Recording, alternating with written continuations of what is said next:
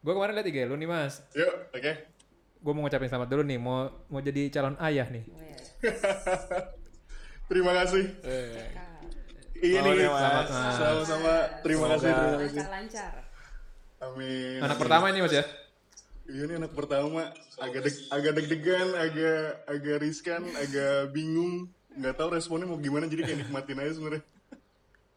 Repot gak sih mas? Sebenarnya repot, repotnya sih enggak lebih. Iya, repotnya kayak gitu tuh. Nganter check up terus kayak Kondisi lagi kayak gini lagi kan. Iya. Iya, ribet, ribet apa, ribet. Eh, Sebenarnya sih prosedurnya nggak terlalu ribet ya, cuman mungkin kayak eh, gue harus ngapalin tuh apa bulan lalu eh, dokternya ngomong apa, gue selarasin di bulan ini. Jadi kayak sebu- kebetulan kan tiap Oh, oke. tiap bulan ya, tiap bulan tuh check upnya. Jadi kayak harus ini dulu nih, harus nyesuaiin kayak kemarin tuh ngomong apa sih si dokter ini. Jadi kayak gue catat sendiri, ribet gitunya sih. eh ini by the way, sorry ya, gue sem gak sempet gak sempet nge-set up belakangnya nggak apa-apa, acak-acakan gini. Nggak apa-apa, Mas. Gak apa-apa. Natural aja kita mah. Iya. Selamat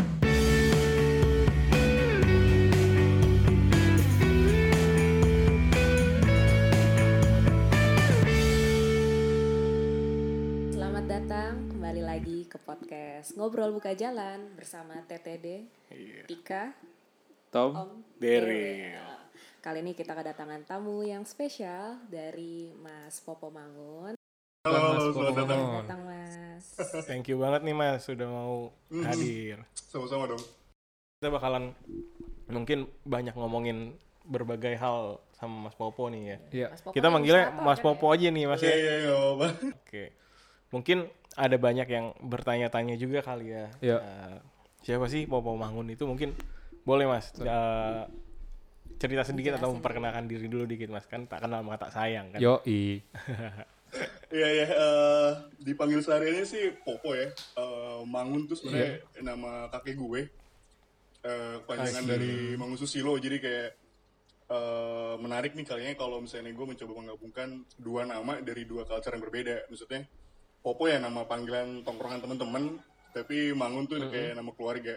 Dan sedangkan nama asli gue sendiri gue gue simpen gitu di, di di apa di keluarga dan di KTP.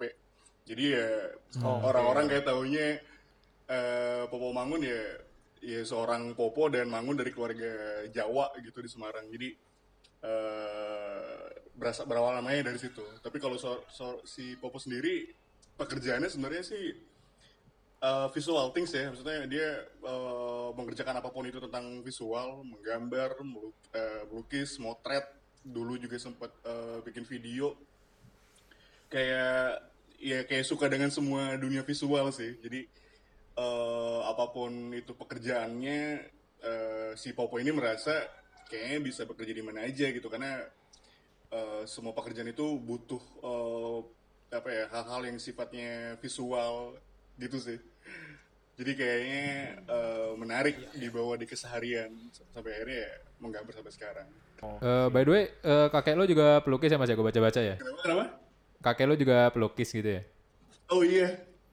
Jadi dulu eh doi itu kayak apa namanya? eh kalau orang dulu tuh ibarat orang kalau dia hilang dicarinya itu dengan apa namanya? melukis wajah orang yang misalnya kayak gini. Oh. eh, ada ada seorang ini hilang nih eh, keluarganya. Nah, keluarga ini menceritakan, iya nih eh, kakek saya kayak gini, Ciri-cirinya kayak gini, ciri-cirinya. gitu. Nah, kayak gue tuh yang Sketsa wajah gitu mas? sketsa wajah mencoba mentranslate. Jadi kayak sebenarnya Oh. eh, Mungkin concernnya kakek lo ikut detektif kali mas gimana nih? Nggak, nggak. lebih kayak ini sih lebih concernnya tujuannya menu apa eh, eh, mencari orang hilang untuk membantu orang-orang yang nggak mampu sih waktu itu. Jadi wah kayaknya kalau dengar dari ceritanya seru gitu. Si apa sih kakek gue ini or ternyata orangnya kayak gini, ke bawah sama gue sih. Kayak gitu. Aduh gue Jadi turun ke lo ya? Kesukaan mengga kesukaan menggambarnya turun ke lo jadinya? secara langsung ya. Sebenarnya kayak terinspire sih. Kalau dari segi Hmm. teknis dan disiplin ilmunya pun gue juga sebenarnya nggak ada latar belakang kesenian ya. Jadi kayaknya juga kakek gue eh, nggak ada juga tuh latar belakang keseniannya dia lebih eh, mungkin tujuannya sebenarnya pengen menolong orang tapi dengan cara menggambar gitu nah gue terinspire dengan itunya sih sampai akhirnya oh ini Eh, seru juga gitu eh, apa bisa ngebantu ke orang. ahliannya dipakai untuk membantu orang gitu ya. That's it kayak gitu. Keren banget anjir. thank you thank you. Bisa apa? Ngebantu orang. Ngegambar, enggak ngegambar gitu kayak Oh, nggak kebayang kan muka orang, lu nggak pernah lihat muka orang disuruh gambar. Iya, iya. itu itu suatu keahlian yang sangat eh, mantep banget sih. Itu nggak semua orang bisa ilmu melakukan itu, ya. ilmu anatominya berarti tajam juga tuh. Eh, mencoba maksudnya kayak Mungkin sekarang kalau eh, ini kerjanya tuh di di apa namanya di kepolisian gitu ya, Wah iya sih. Gokil. CSI gitu gitu. Ya. iya. Kerja sama Sherlock Holmes dia. Jadi eh eh Mas Popo nih disebutnya eh sebagai apa sih Mas? Apakah ilustrator, visual artist atau sebagai yang lain gitu? Mungkin Tepat tepatnya apa gitu? Iya, mungkin kan soalnya kita banyaknya ngelihat outputnya kan ilustrasi ya. Jadi Iya, mungkin iya. secara general mungkin orang di luar sana mungkin lebih nyebutnya kan ilustrator tuh mas. Tapi kalau dari Mas Popo sendiri lebih prefernya disebut apa kali? gitu ya? Betul.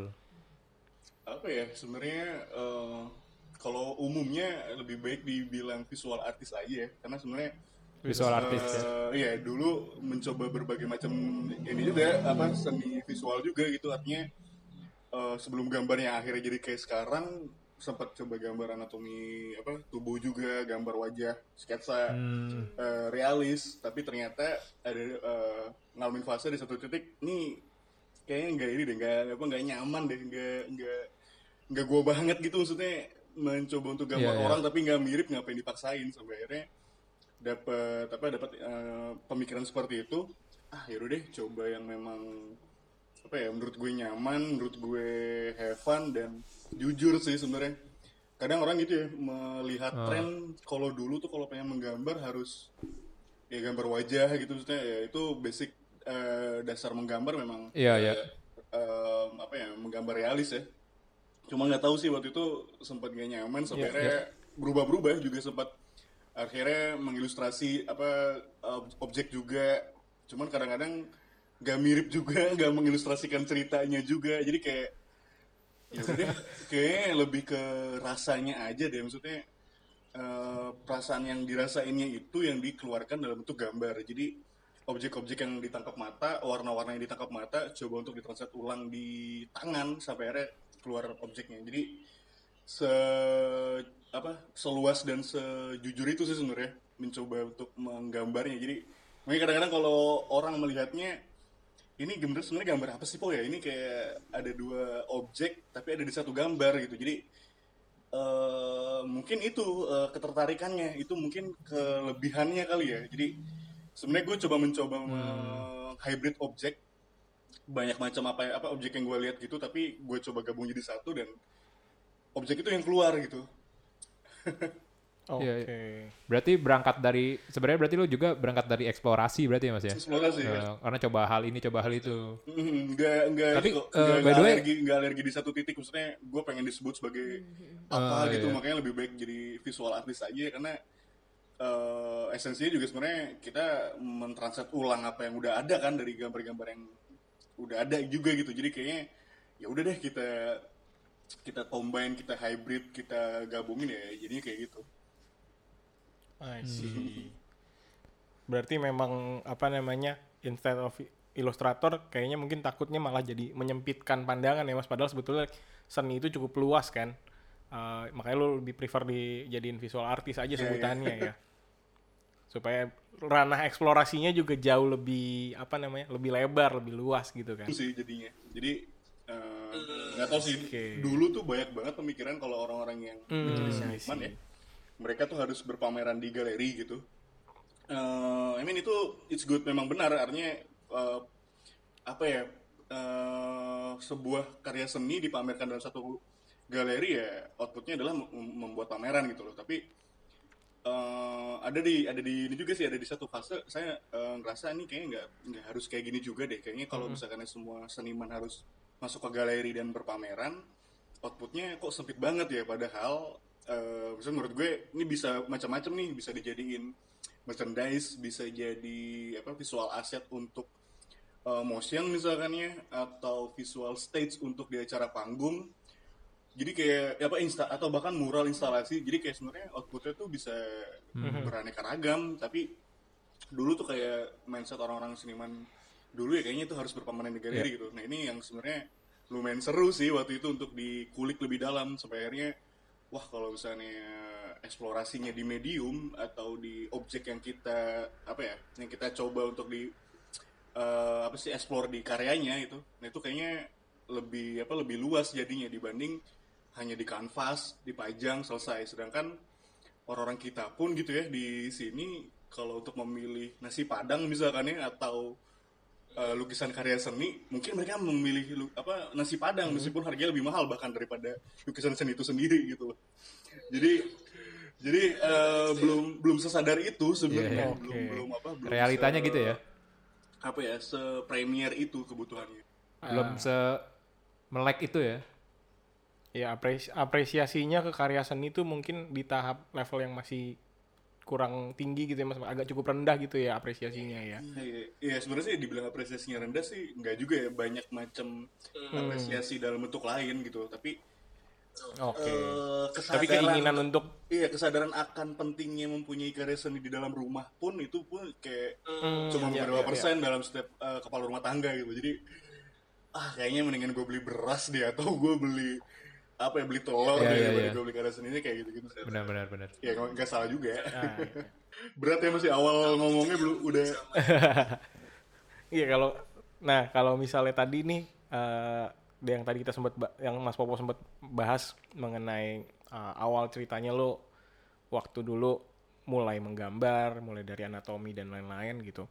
Sampai akhirnya sekarang lebih ke mencoba nge-hybrid beberapa objek dan jadi lebih ke arah satu objek yang mungkin nggak bisa langsung directly di di apa namanya didefinisiin sama orang gitu. Nah, yang ada satu hal yang menarik yang sempat gue coba cari tahu juga nih tentang Mas Popo yang agak related sama hal itu tuh Mas. riset ya Jadi eh, yang gue tahu kan dari lo punya background sebelumnya eh, secara pendidikan gitu.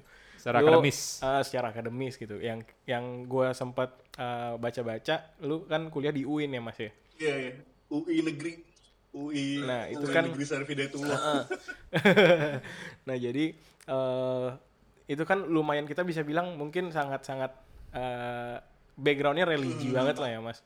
Apakah itu juga jadi eh, mempengaruhi tuh kayak yang tadi lu bilang apa eh, karena kenapa lu nggak ngegambar objek-objek eh, anatomi lagi. Karena kan mungkin gue nggak tahu ya benar atau salah tapi mohon dikoreksi kalau salah tapi setahu gue sempat pernah dengar kayak mungkin di eh, muslim eh, ngegambar itu tuh untuk yang eh, sifatnya manusia nggak boleh kan kayak diharamkan gitu ya mas. Bener nggak sih mas?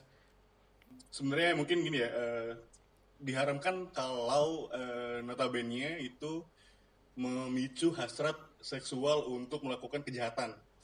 Eh, atau melak- yang merugikan orang lain lah istilahnya. Jadi kayak ketika manusia itu atau orang itu melihat objek gambar yang memicu atau apa namanya menimbulkan hasrat untuk melakukan hal-hal yang apa ya merugikan atau tidak diinginkan itu mungkin bisa dikatakan diharamkan.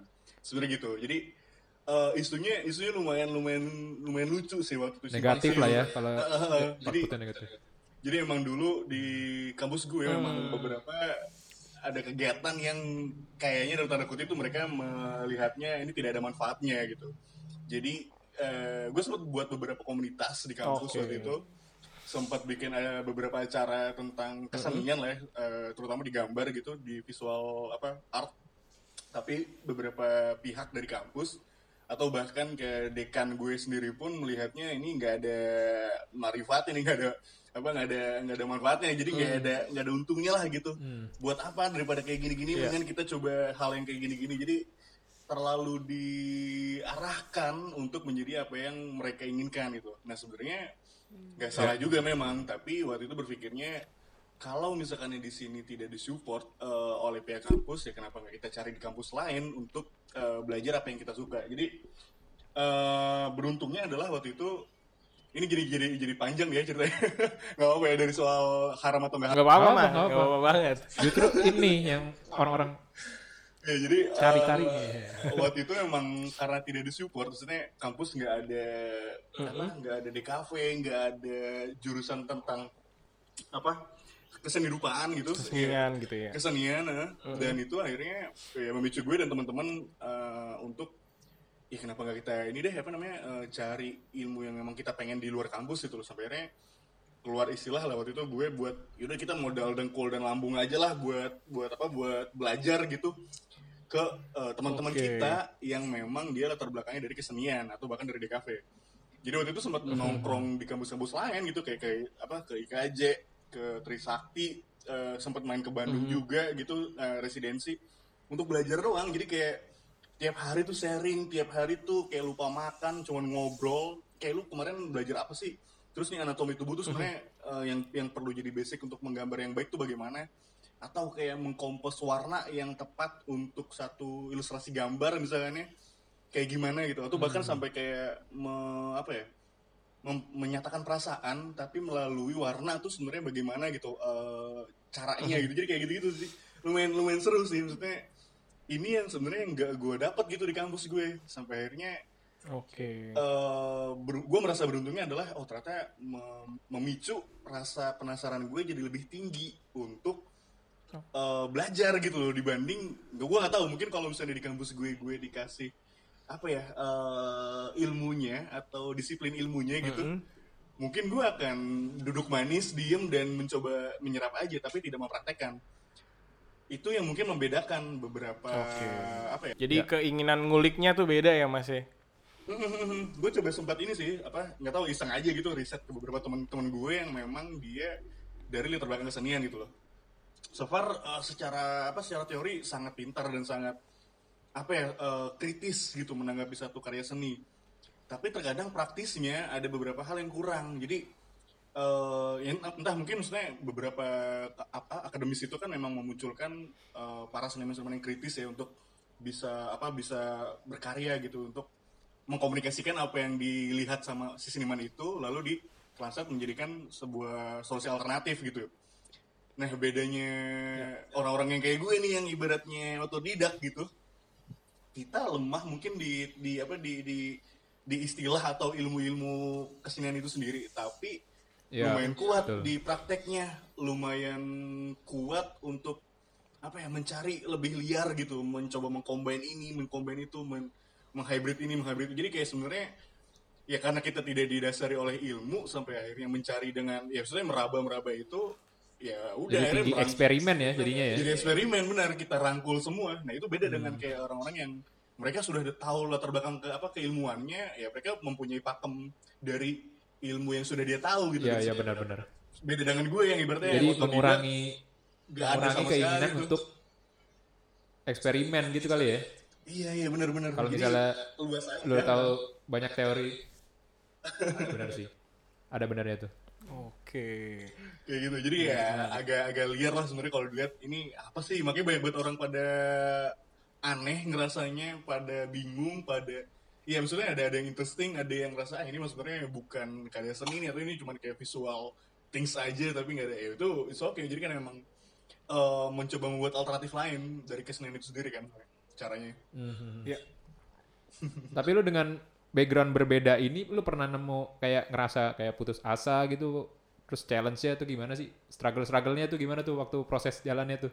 wah banyak Kayak tadi kan kayak tadi kan lu ada aktivitas eh, sama dekan aja tuh kayak di sini sin gitu. Iya, iya, iya.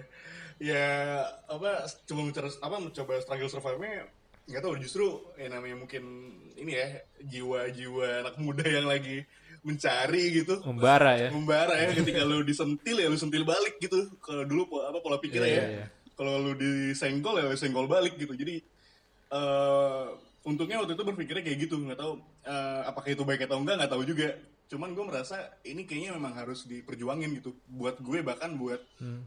eh, lingkungan gue yang memang suka dengan eh kesukaan yang sama dengan gue gitu. Jadi eh, apa waktu itu memang ya karena memang tidak diterima ibaratnya di kampus sendiri ya udahlah apa kita nyari segala macam dan malah bahkan jadinya lebih berkembang dibanding kampus sendiri gitu. Eh, anak-anak yang ya maksudnya gue dan teman-teman gue yang memang di kesukaan yang sama gitu. Maksudnya dalam berkembangnya gue nggak tahu mungkin dulu kalau misalnya gue tidak lepas dari apa ya dari kampus gitu mungkin gue sekarang jadi ustadz aja gitu atau gue cuma jadi jadi orang yang pendakwah pada umumnya gitu. Ya lu ya Iya, iya, macam-macam lah maksudnya. Kalau dilihat dari teman-teman angkatan gue gitu ya mereka lurus lurus banget dan itu ya nggak salah juga tapi eh ya apakah hidup cuma hanya mengikuti peraturan gitu yang ketika lu disetir ke Iya, kanan iya, lu belok ke kanan padahal sebenarnya lu nggak mau ke kanan gitu jadi kayak ya waktu itu merasa beruntung sih eh, sedikit dalam tanda kutip rebel tapi untuk untuk untuk untuk Berarti hal lu untuk waktu itu- benar gitu Nekat aja ya. Nekat berarti. aja, nah. Yang penting ya apa? eh, berarti berang- eh, yang penting lu ngikutin personal interest lu aja gitu dulu ya. Iya benar-benar. Ya struggle survival gitu. Jadi kalau misalnya ada yang apa ada yang nggak suka ya, ya coba jelasin aja kenapa nggak suka. Terus kalau misalnya lu ngerasa nggak yakin, menurut gue coba kejar dulu sampai lu tahu yang sebenarnya nggak yakin itu di mana. Jadi perbe- gue gue sampai punya teori waktu itu berpikir gini, kenapa orang bodoh itu lebih banyak rezekinya dibanding orang pinter? Jadi waktu itu eh, orang bodoh itu lebih banyak dia melakukan praktek dulu dibanding orang Iya, iya. pinter yang terlalu banyak mikir. Jadi Iya, iya, iya. Karena nggak mulai-mulai ya. yang mulai-mulai. Gue sempet gue sempet sempet apa sempet stuck di apa ya di, di pemikiran itu. Nih apakah memang gue harus jadi orang pinter tapi terlalu banyak teori lu sampai akhirnya nggak bikin apa-apa gitu? Atau ya udahlah gas aja dulu bikin sebanyak mungkin kalaupun salah ya lu belajar lagi. Ya udah di situ di, di di apa disikatnya gitu maksud gue jadi kayak oh mungkin ini perbedaan orang bodoh banyak rezekinya ya karena mencoba terus terus terus terus gitu. Jadi nggak pernah ada habisnya bahkan mereka akan Iya. merasa rugi ketika itu sudah jadi goals gitu. Jadi bahkan gue sering banget dulu ditanya kayak lu sebenarnya goalsnya apa sih Iya. kok dari dari dari menggambar atau dari berkesenian lu? Gitu. Gue nggak pernah mencari gue malah bingung sebenarnya ketika ditanya goalsnya apa. Gue nggak pernah merasakan apa-apa justru maksudnya nggak pernah nggak pernah merasa gue udah pernah berpameran di tempat ini atau gue pernah menggambar di tempat apa gitu. Jadi Mhm. nggak pernah ada rasa apa ya tujuan untuk kayak gitu. Lebih ke ya karena memang ya gue suka doing something making art gitu ibaratnya. Ya udahlah bikin apa yang emang gue suka aja. Nih nggak nggak ya kedengerannya klise sih.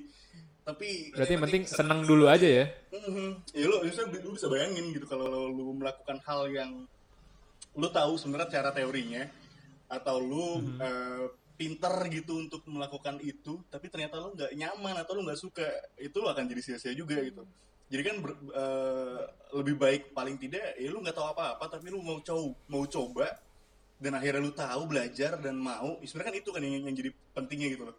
Dan prosesnya itu yang yang yang lebih Iya, benar banget yang lebih tuh. nikmat dibanding dapetin goalsnya. Jadi kayak kalau udah dapet di satu titik ini yang paling berat adalah nanti abis ini ngapain lagi ya? Ketika lu nggak tahu mau ngapain ya itu sebenarnya jadi masalah sih. Kadang orang udah jadi stuck terus lu jadi bangga dan akhirnya nggak menghasilkan apa-apa juga Hmm. sering banget gue menemukan orang-orang yang kayak Iya, gitu sayang sih sayang banget I see. Sebetulnya sama juga kayak tadi yang lu sempet mention tuh mas, yang apa namanya, yang orang bodoh kenapa lebih banyak rezekinya dibandingkan orang pinter. Hmm. Gue juga sebetulnya sempat mendengar salah satu apa namanya eh cerita kayak gitu, cuma mungkin agak sedikit beda nih mas. Eh, jadi waktu itu gue sempat belajar, bukan belajar sih, dengar dari anak-anak ka- di kampus gue. Gue kebetulan emang DKV backgroundnya mas, jadi pernah dibilang sama salah satu teman gue, gue diskusi gitu terus dibilang "Eh, kita tuh sebagai anak DKV harus temenan sama anak-anak yang paling pintar di kelas, sama anak-anak yang paling males di kelas. Kenapa katanya? Karena kalau lu yang paling pintar, yang paling bagus gitu nilainya, pasti dia punya hasil karya yang oke lah gitu kan. Yang se- se- sejalan sama ilmu-ilmu eh, fundamentalnya di, di desain gitu. Tapi lu kenapa harus bergaul sama yang males? Karena yang males-males ini mereka eh, justru cerdik gitu loh, kayak Iya. bisa ngerjain tugas SKS gitu. Jadi lu bisa balance antara dua itu gitu. Lu bisa tahu standar yang tinggi itu seperti apa, tapi lu juga bisa tahu gimana cara work the way around it gitu loh. Iya, Belajar ngakalin supaya lu bisa tetap SKS gimana. Jadi Hard lu bisa and smart work gitu. gitu. bener bener bener Setuju banget sih makanya sama tadi Mas Popo bilang tuh. Iya iya ya karena apa kan uh, orang tuh ada dua kan ada yang talenta ada yang hard worker kan kadang apa kalau talent gak hard work hard work beats talenta gitu kan Yoi. Itu Jadi- istilah-istilah jadi, kayak ah, gitu tuh yang sebenarnya harus banyak digaungin ya buat anak-anak kayak Iya iya benar-benar. yang yang lulus lulus di tahun-tahun kelam kayak gini biar ada Iya, iya. biar ada vitamin lebih karena kasihan juga gitu mereka ketika baru lulus abis ini mau ngapain tapi ternyata ekosistemnya nggak mensupport gitu loh iya iya. Tapi gue mau nanya lagi nih mas, kalau apa namanya? Tadi kan lu ada struggle dari eh, eksternal nih, kampus lah gitu lah ya. Eh, kalau dari keluarga lu sendiri tuh gimana sih mas? Melihat peralihan lu nih. Nah, jadi eh ya itu dia untungnya gue meng- me- apa ya meminta restu sama ibu gue gitu meminta izin untuk Iya. eh, pakai nama kakek Mangun Susilo itu eh, yang gue sikat menjadi Mangunnya aja untuk gue sematkan di nama belakang gue waktu itu jadi kayak ya waktu itu setelah lulus ya biasalah maksudnya sebagai orang tua mereka khawatir anaknya mau jadi apa nih habis lulus kuliah nih. Gue dengan sangat pedenya waktu itu bilang ya menjadi seniman aja lah. Lucu sih jadi eh kaget. Apa nyokap gue kaget kayak ah seniman maksudnya kayak ngapain gambar-gambar aja gitu sih langsung ya iya gambar tapi eh, menghasilkan gitu Yuh, gimana caranya? Jadi kayak sebenarnya eh dari situ tuh sebenarnya eh, yang bikin gue ya jadi lebih memperjuangkan apa yang gue suka meskipun sebenarnya dari internal keluarga gue masih bingung untuk ini anak sebenarnya mau ngapain sih abis ini? gitu. Atau ini eh, bercanda doang atau mau main doang atau gimana? gitu. Ya struggle survival gitu lah. Maksudnya dari internal keluarga dia bahkan orang tua ibu gue sendiri pun melihatnya aneh. Bokap gue pun melihatnya kayak aduh bukannya kerja di kantor aja lah yang jelas aja gitu pakai seragam terus eh, papa juga bangga gitu kalau cerita ke teman-teman ya anak gue sekarang kerja Yang di sini." lurus-lurus aja gitu ya maksudnya. ya? Iyalah ah, kayak gitu-gitu sih bokap gue pun ngerasa ya udah coba buktiin aja dulu kalau apa emang lu bisa gitu ya. Nah awalnya pede tuh Ah. satu satu tahun pertama setelah lulus kayak ah, oke gue mau coba jadi seniman nih. Anjing ternyata gagal men kayak Gila ternyata menjadi seniman gak, nggak apa yang gue bayangkan gitu. Gak, nggak keren-keren banget juga waktu itu berpikir karena Dunia tidak seindah itu ya. Ah, nggak seindah pemikiran. Sampai akhirnya ya udah deh coba apa namanya gue coba ngantor gitu ya. Ngantor dapet nih satu pekerjaan waktu itu menjadi seorang wartawan. Karena basicnya gue komunikasi penyiaran broadcasting ya udah deh jadi jadi wartawan kayaknya keren gitu. Apa eh, basicnya karena visual ya udah eh, foto dan video waktu itu yang gue ambil. Tapi sampai akhirnya ada riset. Nah itu prosesnya sebenarnya lumayan seru sih. Jadi eh, gue punya satu teori bahkan atau eh formula ya ketika dulu sempat ngantor dan apa berkesenian. Maksudnya gue merasa dua dua dua hal itu tuh pekerjaan yang harus gue lakukan bersamaan jadi ternyata nggak bisa nggak bisa apa nggak bisa ngantor doang aja tapi nggak berkesenian atau bahkan berkeseniannya tapi nggak ngantor. Lumayan lumayan apa lumayan jadi katak ya. Ibaratnya lu hidup di dua alam yang sebenarnya itu secara ekosistem beda secara pola kerja beda.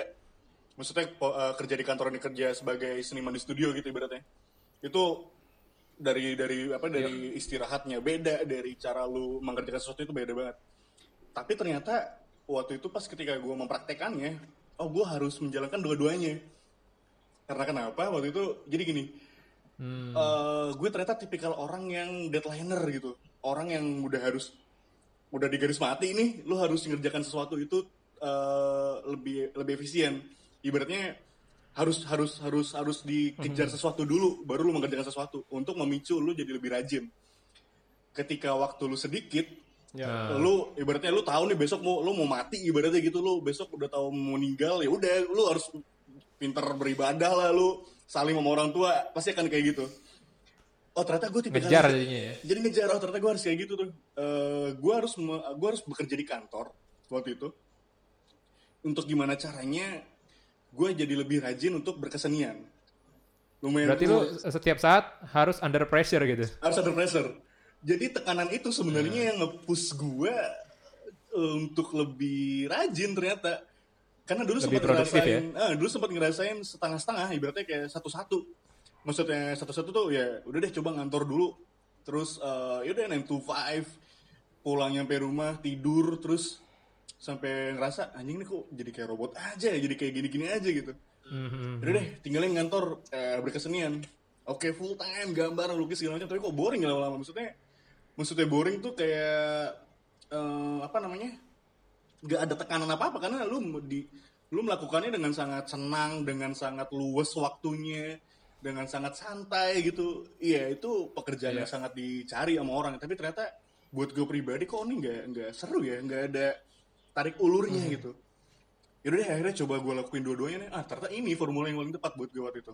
Gue harus ngantor paginya nyampe rumah gue berkesenian atau weekendnya gue berkesenian jadi eh apa ya ada ada tekanan gitu kalau misalnya satu hari gua, waktu itu gue berpikir kalau satu hari ini gue cuma bekerja untuk orang dan gak bekerja untuk gue gue akan rugi waktu itu. Jadi eh, harus harus ada harus ada tekanan buat gue dulu nih kayak wah po lu nggak bisa kayak gini terus gitu lu nggak bisa. Jadi mindset itu yang selalu harus gue tanam di kepala gue gitu ketika lo doing something. Misalnya lu bekerja sama orang atau lu mengerjakan diri sendiri gitu ah ini kalau misalnya gue buat kerja gue doang ngegambar tapi nggak bermanfaat buat orang lain atau gue nggak ibaratnya kalau misalnya ibarat- logikanya sampai akhirnya kayak eh, akhirnya kayak gini. Kalau misalnya gue ngantor paling tidak gue bisa me- apa ya mengasih makan ego orang tua gue gitu. Oh orang tua gue eh, apa namanya lebih tenang kalau anaknya udah dikerja di kantor. Gue dapat gaji yang bisa menafkahi istri gue bahkan sebenarnya ya lukisan dan gambar-gambar project look apa eh, visual art gue juga menghidupi gue dan istri gue gitu bahkan nanti untuk anak gue gitu. Jadi kayak ibaratnya paling tidak tuh dua hal itu tuh bikin tenang gitu. Jadi impactnya juga macam-macam. Secara perasaan mungkin bokap gue akan lebih tenang kalau gue kerja di kantor. Tapi dia merasa lebih bangga ketika lagi nongkrong sama teman-temannya gue lagi ada proyek kesenian bikin instalasi apa atau gue lagi mural di mana. Terus bokap gue nanya nih eh lagi ngapain? Apa eh, di sana? Terus lagi bikin apaan nih belakangan gue share aja fotonya. Ternyata itu yang bikin dia bangga untuk dipamerin ke teman-temannya nih lihat nih. Anak gue lagi mural di sini nih kayak kayak gitu. Jadi impactnya impactnya macam-macam Jadi semua senang gitu ya. semua senang. Jadi kayak oh eh, dua-duanya ini kayaknya nih lebih seru gitu. Karena waktu pas gue lakuin satu-satu ya kayak gitu impactnya. Nggak ada nggak eh, gue menyenangkan orang tua tapi gue yang nggak senang. Tapi pas kalau misalnya gue berkesenian aja gue nya seneng tapi orang tua orang tua gue nggak senang jadi kayak oh ini lebih seru kayak gini deh tapi kalau dibilang harus memilih salah satu ya gue sebenarnya sih lebih suka berkesenian. Tapi ya balik lagi gitu kadang-kadang ketika akhirnya kemarin juga sebenarnya sempat lumayan apa ya lumayan lowong gitu lowongnya maksudnya. Gue tidak eh, berkantor waktu itu dari awal Februari sampai September. Jadi ceritanya gue sekarang lagi ngantor lagi di satu tempat. Wah lumayan lama juga tuh. lumayan lama. Itu kayak tidur siang gitu kayak rasanya tidur siang tapi panjang banget. Tapi pas lu bangun pas lu bangun karya lu banyak ada di mana-mana. Kayak apa lagi bikin ini lagi bikin itu segala macam ya macam maksudnya pressure-nya macam-macam sih tapi eh, ya balik lagi ya kalau idealis tapi tidak dibarengi dengan bisnis menurut gue yang merugi juga gitu. Nggak akan nggak akan apa nggak akan nggak akan have fun lah nggak tau deh. Lu ngerasa keren nih berarti idealis lu idealis lu bagus tapi ternyata eh, kantong lu kering juga ya buat gue sih eh, rugi aja ya maksudnya idealis tuh tidak memberi makan kanan kiri lu gitu ibaratnya kasihan aja sih Ya tadi ini mas apa itu lo ngelakuin tadi double job tadi Mhm. atau apa itu berapa ber- berapa lama mas? Gak stres apa mas? wah stres dan capek banget apa namanya eh Terus lo coping copingnya gimana tuh? apa sorry sorry Terus lo apa eh, menjalaninya itu gimana? Kayak eh, menanggap apa mengurangi stresnya, menghadapi stresnya gitu itu gimana mas? Eh, Kan lo punya juga. double job nih, double job nih. Iya, ceritanya. iya, iya. Terus berapa lama tadi? itu lumayan lama Lumayan lama tuh dari Februari sampai Apa sebelum sebelumnya pernah juga? sebelumnya pernah Apa sebelumnya, kemarin aja? sebelumnya pernah jadi kadang tuh kayak setahun bahkan tuh ganti satu kantor gitu jadi nggak tahu nih sebenarnya kalau apa bini gue tuh melihatnya nggak be- nggak beres nih kalau lu ngantor kayak gini mulu. Tapi gue jadinya eh apa ya mencoba maksudnya ngantornya tuh jadi jadi jadi jadi stimulus doang sih. Oke. makanya kadang-kadang nggak pernah nggak pernah lama sebenarnya berkantornya. Kayak cuman se apa setahun tuh satu kantor gitu paling lama setahun dua tahun gitu. Tapi berkeseniannya tetap jalan. Jadi untung-untungan gue melihatnya kayak ngantor tuh buat jadi tempat yang apa ya eh, vitamin gue buat gimana caranya gue jadi berkesenian lebih rajin gitu. Oh, Tapi iya, iya. jadi jadi kebalik nih sebetulnya. Iya, jadi Kalau orang banyak kan kan ngantor, keseniannya jadi penunjang. stres, ah gua hiatus dulu setahun gitu. Iya. Kalau Break, gua ngapain gitu. kalau ini Kebalik nih. eh, berkesenian tapi penunjangnya adalah kantor, bukan kantor. Bukan kantor terus kes- apa penunjangnya kesenian gitu ya. Iya. Ya maksudnya karena nggak tahu deh, gue belakangan begitu tahu ternyata eh, berkesenian gue secara apa ya appreciate finansialnya lebih besar dibanding gaji Iya. kantor. Jadi kayak waktu itu, ya udah deh kenapa nggak ini aja yang gue apa yang gue jalanin, tapi ya akhirnya menempatkan gue berkantornya tuh lebih kayak ngeluangin waktu kosong yang tadinya misalkan let's say dalam satu bulan gue cuman ada tiga project gitu. Jadi misalnya dalam satu bulan itu kan ada empat Iya. minggu ini kita hitungan hitungan hitungan kasarnya kayak gitu. Jadi berarti satu minggu satu project deh gue ngerjain gitu. Tapi karena cuma satu bulan ada tiga project satu minggu kan Iya. kosong nih. Ya udah satu minggu itu gue pakai untuk ngeluangin waktu gue di kantor gitu. Jadi eh, apa ya? Ya daripada bengong atau daripada cuma tidur di rumah ibaratnya gitu istirahat ya udah deh gue pakai buat ngantor aja. Toh juga sebenarnya di kantor juga lu digaji gitu itu kayak gue akhirnya menempatkan gajinya ya cuma bonus aja lah gitu. Sisanya ya tetap apa tetap tetap dari dari gambar gitu maksudnya secara finansial yang paling menghidupi ya untuk sampai sekarang gitu. Karena juga banyak sebenarnya teman-teman gue yang lain eh yang mereka udah bener-bener full time artis gitu maksudnya dia udah udah kerjanya udah gambar aja gitu dapat proyek sana proyek sini. Cuman ya balik lagi ya kadang-kadang eh namanya bekerja kesenian ya Iya. stabil nggak stabilnya itu kan bukan dilihat dari segi finansial aja tapi dari dari project yang dia kerjakan atau project yang masuk ya itu sebenarnya pun juga eh, pekerjaan gitu yang memang harus dilakukan oleh si seniman itu sendiri. Jadi jangan jangan jangan pernah juga melihat dari hanya apa dari segi finansial ya. Karena banyak banget ada beberapa kasus gitu kalau gue dengar dari kanan kiri ya. Ketika si seniman ini dapat project besar sebelumnya terus ada project lagi kecil ya- yang masuk yang secara finansialnya lebih apa ya, lebih rendah kecil gitu dibanding project sebelumnya. Lebih rendah ya mereka nggak ngambil. Jadi kayak kadang-kadang wah ini kalau tolak ukur finansial sih nggak akan ada habisnya. Maksudnya eh, Gitu-gitu aja ya. esensi untuk me- iya esensi untuk menawarkan solusi solusinya tuh nggak apa nggak Iya, ada iya, iya. gitu Setuju, setuju. karena kan yang balik lagi ya maksudnya pekerja kreatif kayak kita itu kan eh, intinya kan sebenarnya menawarkan solusi alternatif Iya. ya. Ketika misalnya let's say ada masalah politik apa gitu yang lagi sekarang panas gitu segala macam ya kesenian tuh datang untuk eh, ngebantu memberi solusi kalau misalnya ini nggak bisa ini gue ada solusi lain nih yang lu bisa lu cerna gitu dengan lebih mudah dengan lebih santai atau jadi lebih have fun. Ya sebenarnya menurut gue intinya dari kita berkesenian atau be- bekerja di bidang kreatif ya itu sih.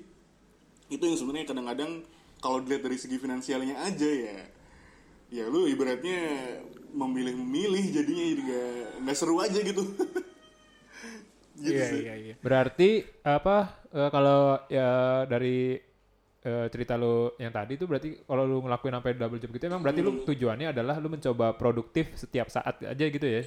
Gak mau waktu kebuang sia-sia gitu ya. iya benar-benar malah kadang-kadang ada beberapa Dan lebih balance juga gitu Tom. Ah, iya. Mhm. Nih di kantor gue yang sekarang, ini sebenarnya kantor temen gue. Terus dia kayak tiba-tiba Oke. eh, apa ngajakin gue di satu project, kok ikutan yuk apa namanya bantuin kantor gue gitu segala macem. Ya udah deh eh, bantuin. Eh lama-lama diajakin jadi kayak udah deh full time di sini mau ngeluh po. Tapi ya dengan tidak me- apa ya tidak dengan tidak mengganggu pekerjaan kesenian gue gitu. Maksudnya syaratnya itu aja. Dan apa namanya? akhirnya ya udah jadi kayak oh ini eh, teman-teman yang di sana pada melihatnya ah si Popo mah ngantor cuman buat ngisi waktu kosong doang bahkan jadi kayak cuman buat ini dia doang gitu apa pelarian gitu ketika lagi nggak ada kerjaan di gambar lari ke kantor gitu. Maksudnya iya nggak salah juga. Jadi kadang-kadang ya balik lagi sih esensi lu bekerja sama orang ya. Artinya di kantor itu Ya. untuk apa gitu? Apakah hanya sekedar mengerjakan pekerjaan orang lain lalu lu sebagai tukangnya dalam tanda kutip? Atau memang ya lu berkarya untuk lu tapi bermanfaat untuk orang lain? Maksudnya kan sudut pandangnya beda-beda ya. Dari situ tuh Iya. yang yang Tapi berarti sekarang posisinya lagi sambil lu lagi sambil ngantor juga nggak nih mas? benar Sekarang benar gue jadi lagi ngantor ya? lagi ngantor tapi tetap gambar juga nih kayaknya ada satu lukisan nih di baju belum selesai juga Iya. ini lagi ada satu project sama Wih. brand dari Bandung ya kayak gitu jadi ah nih waktu mumpung lagi, lagi weekend ya udah gue gambar sebenarnya dari semalam sih dari pulang kantor jam 5 jam 6 gitu ah eh, apa namanya udah selesai gitu pekerjaan kantor terus gue pulang nyampe rumah. Studio oh, ternyata masih ada kerja jadi kayak gitu. Eh, apa namanya saling timbal balik. Oke. bahkan kadang-kadang pekerjaan keseniannya gue bawa di kantor. Jadi kayak jadi kayak gue gambar di menarik, gitu eh, apa namanya ada ilustrasi atau gambar yang belum selesai gue sambil jalan di dua-duanya. Sambil lanjutin di sambil lanjutin. Seseru itu Berarti sih. berarti sekarang kesibukan lu adalah eh, ngerja eh, apa eh, berkesenian serta ngantor juga. Mm-mm. Terus sama ini Mas, gua kan kemarin lihat eh, studio lu nih si mangun.co ini. Ah, Terus itu eh, jela- eh, kasih tahu dong Mas, eh, mangun.co tuh ngerjain apa sih? awalnya konsepnya waktu itu pengen jual merchandise dari ya apa Oh, namanya label jadi store-nya gitu lah ya? Nah, awalnya gitu, tapi ternyata wah Eh. ini makin luas ke eh, apa ya ke teknis lain, maksudnya oh ada orang yang datang ke gue misalnya kemarin pengen branding eh, kafenya atau coffee shopnya segala macam Hmm, gitu, oke. terus gue punya ini nih po brand merchandise tapi gue nggak ngerti cara nge-brandingnya gimana segala macam sampai akhirnya wah ini kayaknya seru juga kalau studionya ini apa eh tadinya si Mangunko ini Mangunko aja belum ada studionya. Kalau si Mangunko ini gue jadikan studio art and design gitu maksudnya yang memang konsepnya di dua bidang itu. Jadi artnya dari si Popo Mangun ibaratnya ketika project-project masuk atas nama Popo Mangun ya akan masuk ke situ. Tapi kalau misalkan ada apa pekerjaan yang di luar dari si Popo Mangun yang maksudnya mengerjakan desain untuk orang lain atau foto, video, motion atau ya visual things lah untuk si orang lain ini ya udah deh ini masuk ke desainnya juga. Jadi concernnya cuma di itu cuma di art and design. Sampai akhirnya ah nih kalau kalau cuma jual merchandise nih nggak seru juga ya udah dilebarin aja akhirnya ada apa Oke. eh, ngerekrut beberapa orang waktu itu untuk tim sebelum pandemi ya. Sampai akhirnya pas di pandemi kemarin gue ngerasa kasihan kalau misalnya gue tetap eh, pegang mereka. Ya akhirnya udah deh gue coba lepas dan cari. Dan akhirnya by project dulu untuk kalau misalnya ada project yang memang harus dikerjain bareng-bareng yuk kita kerjain bareng-bareng. Tapi kalau misalnya belum ada menurut gue lu bisa lebih cari lebih bagus gitu di luar. Ya lebih kayak gitu sih. Jadi akhirnya lebih fleksibel nggak menjadi karyawan tetap Jadi- gua terus Eh, si Mangun.co ini awalnya sebagai eh, store merchandise-nya Popo Mangun, malah melebarkan sayap untuk eh, ngerja ngerjain yang lain-lain udah- berarti ya. jadi lain-lain itu lumayan lumayan seru waktu itu jadi ada satu event juga ya Eh, ini nggak apa-apa ya gue sebut labelnya atau boleh nggak sih Nggak apa-apa mas. Nggak apa-apa ya? boleh, boleh, boleh banget. Oh, jadi itu tuh ada Nggak acara Tokopedia. Tokopedia dia bikin event namanya Maker Fest. Dia bikin submission waktu itu. eh, Oh iya gue tahu tuh. Hmm, Oh, iya, iya, tahu, tahu. Kalau lu punya brand eh, apa namanya submit ke kita terus kita bantu dan kita bikinin event waktu itu. Waktu itu acaranya di Senayan kalau nggak Iya. salah. Terus eh, datanglah ada beberapa teman-teman dari yang lain gitu punya brand merchandise gitu lah. Nah karena memang si Mengunko awalnya ini produknya merchandise, eh, konsep art and design di studionya itu gue bawa ceritanya. Jadi ditanya kan kayak lu, oke lu punya brand apa nih, Eh, produk jualan lu apa dan nanti kira-kira di display di bazarnya tuh mau kayak gimana gitu. Ya pada umumnya kalau orang punya produk pasti mereka akan bikin apa ya gimmicknya dan tanda kutip itu maksudnya bazarnya nanti eh, bootnya gue menjadi store lah gitu. Nah gue waktu itu kepikirannya gue bawa Iya, iya. gue bawa aja ya apa studio gue jadi memang gue sebenarnya di booth itu lagi melakukan kegiatan kesenian gue aja gitu jadi ibaratnya beberapa perkakas yang ada di studio gue bawa semua gitu ke ke boothnya dan ternyata Jadi lu cuma mindahin studio aja sebenarnya ya. cuma di studio jadi kayak ya udah gue ngelukis yang lain tuh pada jualan pada ayo kak nih kita ada Nih orang-orang lihat gue lagi gambar. Iya, yang lain pada jualan Lagi produk, ga- gue malah ngelukis gitu, gue malah tidur, malah itu ada bawa bangku, jadi kayak gitu-gitu. Maksudnya displaynya pun display studio, jadi kayak ini Tokopedia juga sempat heran dan merasa apa merasa merasa seru gitu kayak ini gue baru kali lihat kalau apa namanya seniman punya konsep jualan yang dijual bukan produknya tapi activity-nya yang yang menurut gue kalau Iya, iya, misalnya yang dijual produk ya udah just a produk gitu sifatnya untuk dipakai atau eh Yes. ya kayak gitu kan maksudnya sifatnya kayak gitu ya nah kalau misalnya produknya kesenian lu bisa menikmati performance-nya gitu loh apa lu bisa melihat orang ini si seniman ini lagi melakukan Iya, performance iya. gitu. Nah itu yang akhirnya ternyata menarik perhatian. Jadi kayak gua Tapi bikin ya itu jadi jadi iya jadi narik perhatian sih bener. Jadi beda gitu kan ya. Hmm. Jadi, Orang-orang uh, pada ada- jualan, ada ini activity. malah perform gitu kan. Iya. ada activity di dalam booth gue sendiri gitu kayak booth sebelah gue kayak ngeliat, ini orang ngapain sih ngelukis ngeliat yang lain pada jualan produk gue malah ya gambar aja tapi orang pada nanya ini lagi ngapain sih kak ini gambar apa terus lukisan-lukisan segala macam kayak gitu ya lumayan seru sih waktu itu di di apa di di era pemikiran yang waktu itu ya maksudnya lagi gencar-gencarnya omongin local pride eh, produk-produk lokal gitu segala Yes. macam itu ya yang UMKM dilihatnya ya. yang dilihatnya di produknya tapi bukan di mindsetnya itu yang sebenarnya disayangkan waktu itu. Jadi kayak ya jadi akhirnya ngerembet nih ngerembet ke lokal pride ya. Iya. yang dibanggakan produknya tapi secara mindsetnya masih ke barat-baratan itu yang sebenarnya yang gue sayangkan sih. Jadi kayak jualan produknya Jadi produk total lokal, gitu ya mas ya. Ah, tapi gaya jualannya masih gaya jualan orang barat gitu. Eh, gimana Hmm. caranya menjadi kapitalis Ah, dalam tanda kutip ya. Gimana caranya Iya. merajai pasarnya itu maksud gue ya lu kalau bilang produk lokal ya mindsetnya dulu yang di, harus diubah bukan soal produknya. Ya susah sih Iya. maksudnya orang-orang kita kan maksudnya gue juga banyak itu eh, ketemu beberapa brand yang masih mindsetnya gimana caranya kalau berkolaborasi tuh ya jualannya dulu padahal sebenarnya orang-orang kita juga masih ada kok customer yang suka membeli produk itu based on story, based on eh, apa ya campaign atau dari si movement kolaborasi itu gitu, bukan cuma soal dari harga atau quality produk doang, gitu sih. Iya benar banget tuh mas. Karena nggak cuman dari segi kualitas produknya doang yang diperhatikan tapi apa sih cerita di belakangnya? Apa sih siapa sih yang bikin karyanya gitu atau bikin produknya gitu kan Iya benar-benar. Apalagi makin ke sini tuh orang, gua ngerasanya ya, gua ngerasanya makin ke sini tuh orang semakin personal sebenarnya. Jadi betul eh, mencari sesuatu, Sesuatu yang tuh related ya. relate biasanya kan. Iya. Nggak cuman fungsi gitu loh.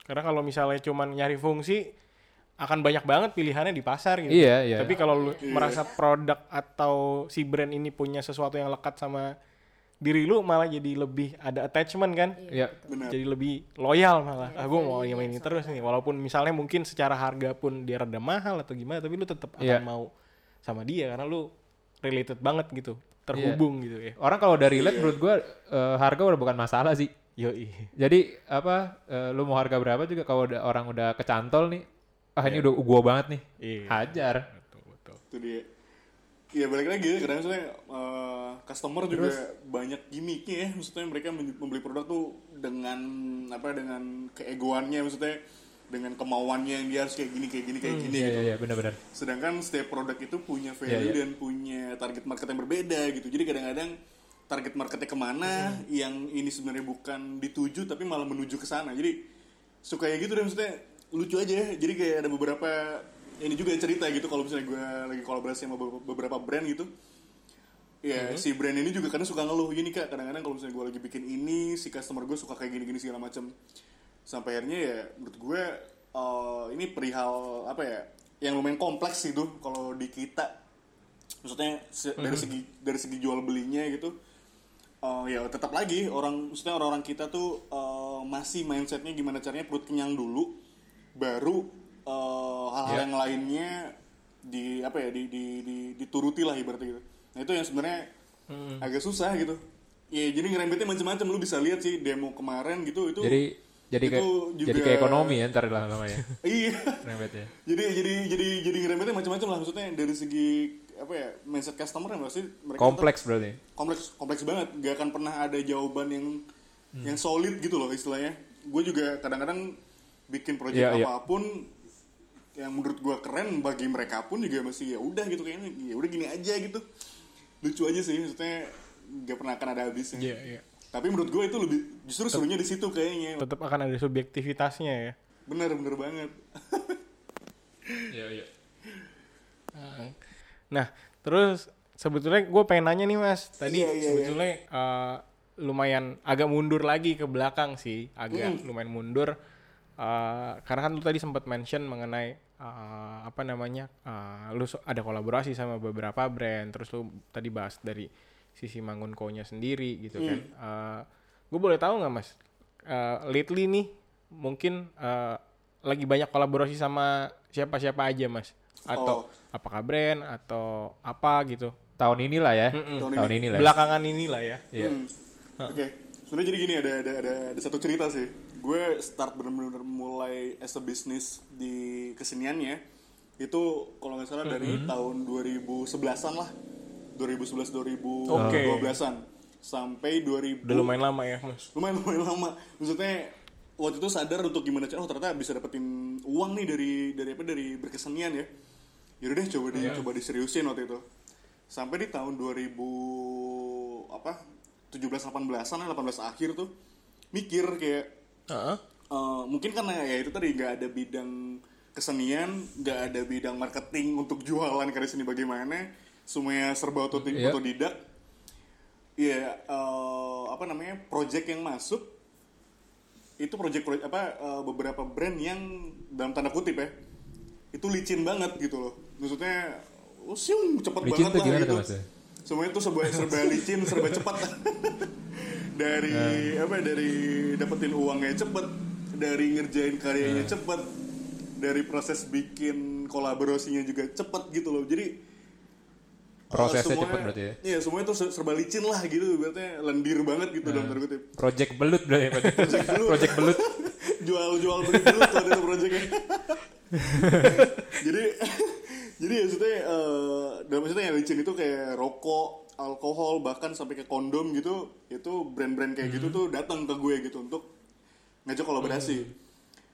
Terus sampai akhirnya di 2019 awal tuh mikir kayak nih apa emang karya gue harus ke sini ya? Apa namanya? Ruang lingkupnya gitu tuh kolaborasi atau brand yang datang tuh apa memang harus kayak gini semua? Literally sebenarnya nggak nggak nggak nggak nggak nggak salah nggak nggak nggak nggak jelek dan nggak buruk juga nggak. Itu brand-brand yang lumayan menghidupi lah dalam tanda kutip untuk gue bahkan dan istri gue waktu itu maksudnya oh ternyata gue bisa dapat Iya. finansial yang cukup banget waktu itu dari brand-brand ini gitu tapi Iya. tapi ada ada ada ada ada sebelah apa eh, hati kecil gue kayak nanya nih kok eh, fungsinya apa ya maksudnya kalau lu kolaborasi sama mereka gitu untuk orang sekitar Hmm. lu ngebantu nggak sih sebenarnya Nah, itu pertanyaan-pertanyaan itu muncul tuh dan bikin gua nggak tenang satu Oke. tahun di 2018 Iya, iya, itu. Sampai hari Hmm. di 2019 coba untuk start. Oke kalau waktu itu gue cuma duduk manis da- apa brand yang datang ke gue gantian gimana? Gue yang datangin brand-brand yang gue suka gue ajakin kolaborasi dan kita making something dengan campaign dengan konten yang paling tidak bermanfaat untuk orang-orang atau ada fungsinya lah gitu loh. Ketika uh, iya, iya. kesenian gue atau karya gue ada di orang itu. Dan akhirnya gue memilih di uh, bagian uh, sandangnya mungkin karena kalau orang kita kan uh, tingkatannya gitu ya sandang pangan papan gitu. Papan ya interior atau rumah Yeah. segala macam gue masih belum tahu nih cara bermainnya gimana kalau berkesenian di, di bidang itu. Pangan gue nggak jago masak juga gitu kayak waduh gimana caranya mas bikin masakan dari kesenian ya nggak ngerti juga gue. Ya udah deh yang paling tepat buat gue waktu itu kayaknya di, di di sandangnya nih di bagian pakaiannya. Karena ada sedikit ilmu dari apa bokap juga dulu sempat jualan pakaian gitu ya coba cari-cari tahu cara jualan pakaian bagaimana cara kalau misalnya mau mencari bahan memilih bahan atau membuat desain pakaian bagaimana ya itu sedikit-sedikit belajar dari orang tua. Dan ya udah deh apa namanya coba diterapin ke beberapa, brand yang gue suka. Sampai akhirnya gue mengincar beberapa brand merchandising brand-brand yang memang mereka menjual merchandise. Kayak gitu. Jadi wah ini kayaknya satu medium yang tepat eh, berguna juga bisa orang pakai ada uangnya juga terus keren juga gitu maksudnya keren untuk oh ternyata kalau misalnya, misalnya kan pakaian itu macam-macam dari atas sampai bawah tuh semuanya itu bisa dipakai gitu ibaratnya dari topi, Ya. kacamata, anting lah, terus eh, ya baju, t-shirt, kemeja, scarf, oh, jadi itemnya tuh banyak gitu Luas banget ya. luas Banyak banget. dan bermainnya pun juga seru karena karena Ya. karena macam-macam item macam-macam masalah juga macam-macam eh, apa penerapannya proses bikin karya juga seru. Nah akhirnya udah kayaknya bisa nih concern di sini gitu. Ya udah akhirnya dua tahun belakangan tuh dari 2019 sampai sekarang di pandemi masih melakukan itu. Jadi gue coba mencari ya bahkan gue melihat beberapa potensi. Dan lagi-lagi ada kadang-kadang ada brand gitu yang dia merasa followernya masih sedikit masih kecil atau dia merasa masih baru mulai bikin brand masih Mm-hmm. malu kadang-kadang melihat kayak kak duh kenapa mau sama kita sih kolaborasi kita masih padahal masih kecil gitu segala macem terus Mm-hmm. kayak ada rasa nggak pedenya nah itu sebenarnya ternyata jadi satu movement untuk gue tetap melakukan bahkan mengajak orang-orang atau brand yang dirasa punya potensi buat gue untuk Mm-hmm. kita berkembang berkembang sama-sama bekerja bareng-bareng jadi kayak Wah, gila, setuju banget. ada setuju satu banget. movement gitu yang yang gue lakukan oh Iya, ternyata iya, iya. brand-brand ini harus gue ajakin kolaborasi nih maksudnya bukan berarti gue merasa besar ya tapi artinya Iya. gue merasa kolaborasi itu jadi salah satu kunci alternatif lu lah gitu untuk ngebuka pintu ini nih yang sebenarnya bisa Betul, lu buka nih ada rezekinya pintu rezekinya gitu. Jadi Yes. kalau kalau nggak dicoba atau kalau lu nggak mau buat kayaknya lu nggak akan pernah tahu juga hasilnya. Jadi makanya gue coba meyakinkan bahkan kalau ada yang mau syukur kalau nggak ada pun ya gue juga tidak memaksa gitu intinya. Tapi beberapa ada yang ada yang notice dan berasa wah kak impactnya lumayan besar. Jadi ada beberapa kemarin ternyata seniman ngajakin gue kolaborasi juga gitu karena mungkin melihat kita kolaborasi kayak wah itu banyak jadi macam-macam si brand itu jadi punya brand image yang baru gitu dilihat oleh ilus para para apa para ilustrator atau para seniman lain gitu. Jadi jadi satu medium untuk bekerja sama bareng atau berkolaborasi bareng. Ya kayak gitu sih. Jadi jadi ternyata kolaborasi gue dengan brand ini jadi satu movement gitu loh. Jadi Serunya bisa gitu. ngebuka jalan ya. Iya. Nah, Wah, itu pas banget sama nama podcast kita. Temen Ini nggak di setting guys. Nggak di setting ini. Karena emang bener tapi kadang-kadang karena kita takut tuh mas, jadi kayak aduh mau nggak ya? Iya, iya. Tapi pada saat ada sesuatu yang mulai, dimulai dulu, itu terus tiba-tiba yang bukan ini ya, bukan ngambil yang tadi brand disebut ya. Yang hijau Tapi itu, mulai dulu, si orang-orang lain tuh jadi ngelihat kayak wah jadi ada eh, kesempatan untuk oh mereka ternyata terbuka loh untuk berkolaborasi. Iya, iya. Jadi memang kayaknya memang dari kita harus berani memulai dulu nggak sih? Ya kan? Iya betul betul. Kadang Ya, itu. kadang yang kita takutkan malah sebenarnya nggak nggak kejadian gitu. Iya, Eh, betul. Sebenarnya orang-orang juga sebenarnya terbuka aja untuk ajakan-ajakan kolaborasi kan. Iya. Nggak ada eh, malah orang-orang tuh mencari juga sebenarnya cuman mungkin sama-sama nggak tahu mulainya gimana. Iya, Ya, mungkin kadang kita juga perlu proaktif juga ya. Setuju, setuju. Karena ada rasa ada rasa gengsi sebenarnya orang kita tuh orang Jakarta tuh kuat banget gengsinya. Gak ngerti gue juga sampai sekarang. Yang Iya benar mas, benar benar. Setuju Eh, banget soal mereka- gengsi sih. mereka merasa apa ya dalam tanda kutip misalnya ada beberapa yang merasa sudah besar dulu ada yang merasa ada banyak ini sih penyakit Iya. penyakit star syndrome atau apa ya brand syndrome yang merasa dia kayak gini kayak gitu udah pernah ngelakuin ini ngelakuin itu sampai akhirnya melihat yang kecil tuh nggak dilihat gitu jadi nggak tahu deh gue itu diobatinnya bagaimana gue juga bukan pakar psikologi tapi sampai sekarang gue juga ngerasa suka heran aja ini apa yang harus Iya. gue lakuin Tapi ya? vice versa juga gak sih mas? benar benar benar benar itu tuh Kayak yang jadi gengsinya bahaya. tuh nggak cuma dari yang dari yang merasa besar aja, tapi kadang-kadang yang kecil juga jadi kayak gengsinya tuh ke- lebih ke arah minder gitu. Kayak aduh gue Iya, iya. takut deh gitu kan. serba salah kan Jadi sebetulnya harus harus balik lagi ke semua yang kita bahas dari tadi nih. Kayak balance gitu loh ya. Iya iya. Antara yang yang lu merasa kecil sama yang udah ngerasa gede tuh harus bisa mau cari cara jalan di tengah gitu ya. Kayak Iya iya. tapi gue salut banget sih sama Mas Popo tadi yang lu mention soal uh, lu mengubah uh, preferensi lu ya lebih ke kayak dari yang mungkin lu tadi duduk diam duduk manis brand-brand yang datengin lu terus sekarang jadi lu yang memberanikan diri untuk malah approach keluar ke uh, brand-brand yang malah lu suka gitu loh. Bukan yang kayak uh, cuman yang gede doang tapi yang kecil-kecil dan yang lu lihat potensial Jadi, tuh mau lu reach out gitu Bukan cuma nunggu bola tapi jemput bola juga ya. buat bola Iya, benar-benar sebaiknya kan balance ya tadi ya maksudnya itu juga kata kuncinya tuh buat buat apa buat saling tarik menarik ya. Ketika ya maksudnya Iya. di kita, kita kita kan diajarkan gitu ya di agama atau bahkan di keluarga ketika lu dikasih ya lu lu memberi juga gitu. Ketika lu menerima ya lu mengasihi. Jadi ibaratnya sebaiknya kan kayak gitu. Eh apa namanya balancing. Lu lu apa yang tahu. Ibaratnya ilmu tuh nggak akan pernah nggak akan pernah rugi lah untuk lu bagi-bagi atau relasi nggak akan pernah mati gitu kalau lu bagi-bagi. Iya. jadi sebaik-baiknya rezeki ya memang sebaik-baiknya dibagi gitu. Jadi apa pun itu apa pun itu sifatnya apa pun itu nominalnya apa pun itu apa datanya ya buat gue nggak tahu deh. Kadang masih ada beberapa mereka yang menutup-nutupi untuk eh, misalnya sim- sesimpel kayak eh nih mau bikin produk kayak gini nih vendornya di mana ya? Sesimpel lu ngasih tahu vendor aja tuh sebenarnya mereka masih kadang suka gengsi atau bahkan kayak "Eh, ini kan data gue nih yang gue punya. Itu nggak Iya, ngerti gitu maksudnya iya. ada beberapa kadang-kadang yang mereka merasa ini secret resepnya mereka gitu. Buat gue ketika lu Ya, ini ini uh, uh, jadi jadi satu teori baru juga gitu buat gue ketika gue berpikir kenapa mereka merasa mengetahui sesuatu tapi tidak dibagi dan merasa jadi lebih keren gitu. Itu kerennya di mana gitu maksud gue ketika lu tahu sesuatu tapi Betul, nggak lu betul. bagi gitu. Nah itu yang bikin gue jadi kadang Iya, suka iya. gemes aja.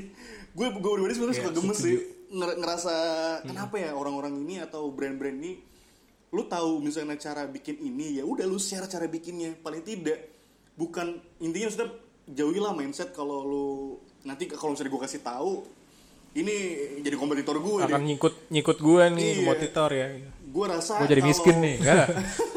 gue rasa kalau kalau emang lu kuat secara story secara karakteristik secara quality Iya. rezeki nggak akan bohong itu akan lari ke lu juga gitu Maksud gue ya lu bisa lihat brand-brand besar kayak KFC dan McDonald atau kayak Indomaret atau Alfamart ya mereka sedempetan itu jualannya se, se, se- segitunya iya aja. Jadi betul betul. gue juga nggak ngerti. Jadi ya udah kalau memang lu tahu ya ya dibagilah gitu. Biar apa? Biar paling tidak sama-sama besar. Toh kalaupun lu takut yang dia besar lu nya takut kalah ya udah berarti memang itu bukan jalannya lu. Atau mungkin lu ada yang kurang lu lakukan untuk mempertahankannya gitu. Ini tuh balik lagi sih sebenarnya ke kitanya. Dan malah sebenarnya kalau apa namanya kalau lu sharing kan sebenarnya eh, ekosistemnya makin membesar kan. Sebenarnya Iya, malah betul. positif Seharusnya ujung-ujungnya. ya collaboration over competition Yo, iya. Hmm, keren tuh kalimatnya Benar benar benar.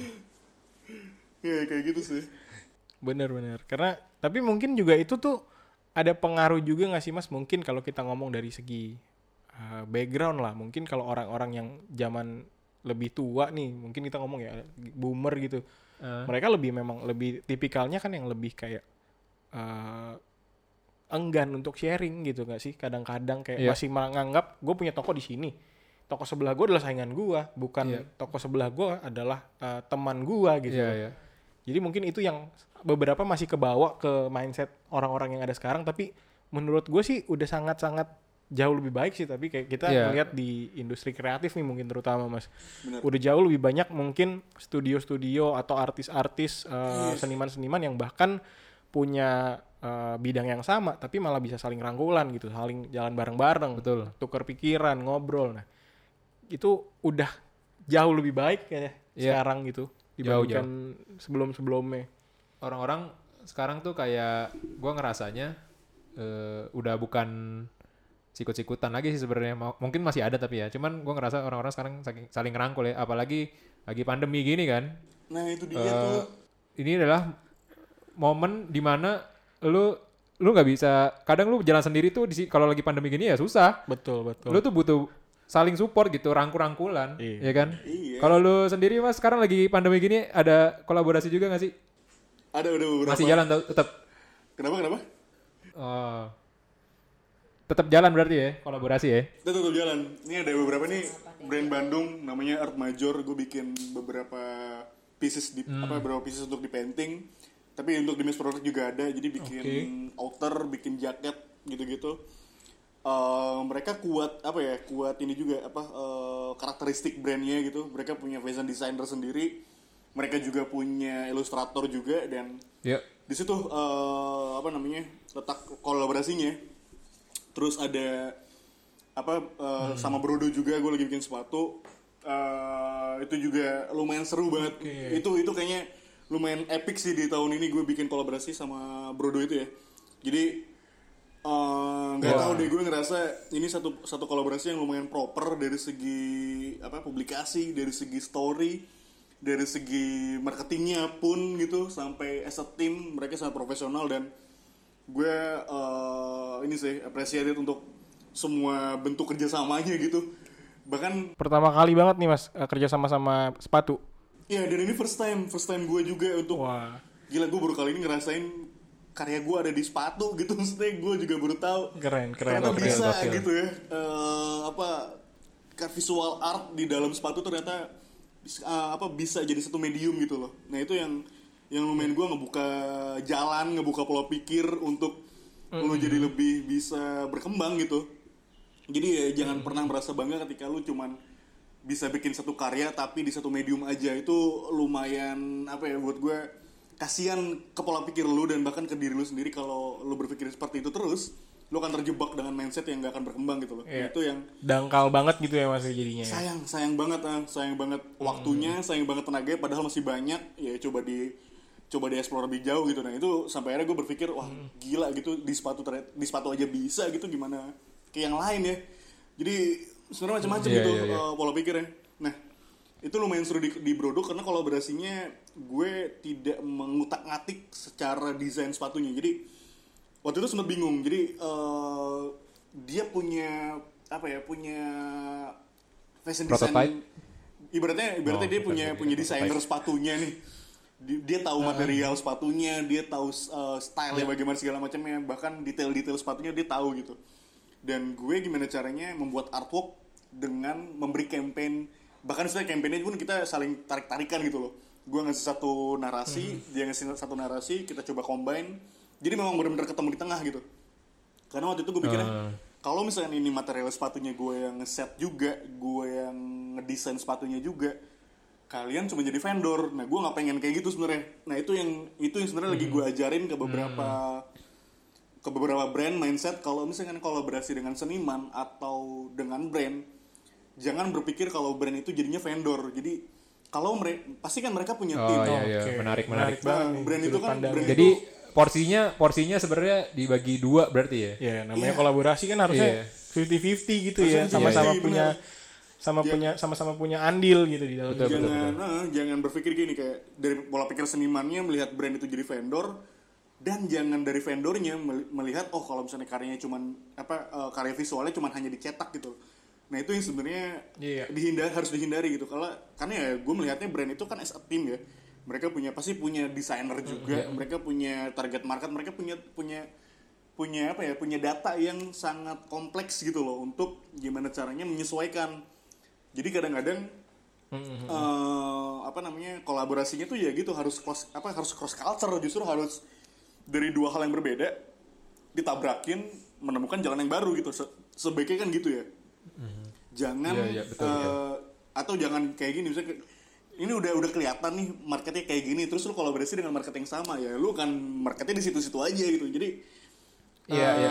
gue malah kadang lebih seru gitu ketika berkolaborasi dengan satu brand atau beberapa atau project yang sebenarnya itu jauh banget dari latar belakang gue gitu nah itu serunya di situ eh, cross culture-nya gitu akan yang, yang banyak hal-hal surprising yang muncul ya masih hal-hal Nah. yang kayak nggak ketebak gitu outputnya.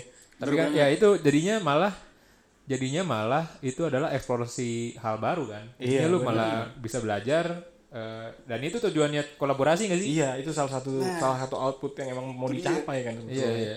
Jadi bukan cuman hasilnya doang tapi prosesnya juga lu belajar kan sebenarnya. ya Ada nilai-nilai yang mungkin lu sebelumnya belum dapet gitu. Iya. iya. Proses-proses yang lu nggak tahu. Benar banget. Tapi by the way, kapan tuh Mas si Brodo punya kolaborasi lu sama Brodo keluar? insya Boleh Allah dibocorin dikit nggak? kalau nggak di akhir bulan depan ya atau di awal awal bulan atau di akhir bulan depan Udah dek- sebenarnya ini lagi proses Udah deket nih. lagi proses pu- publikasinya.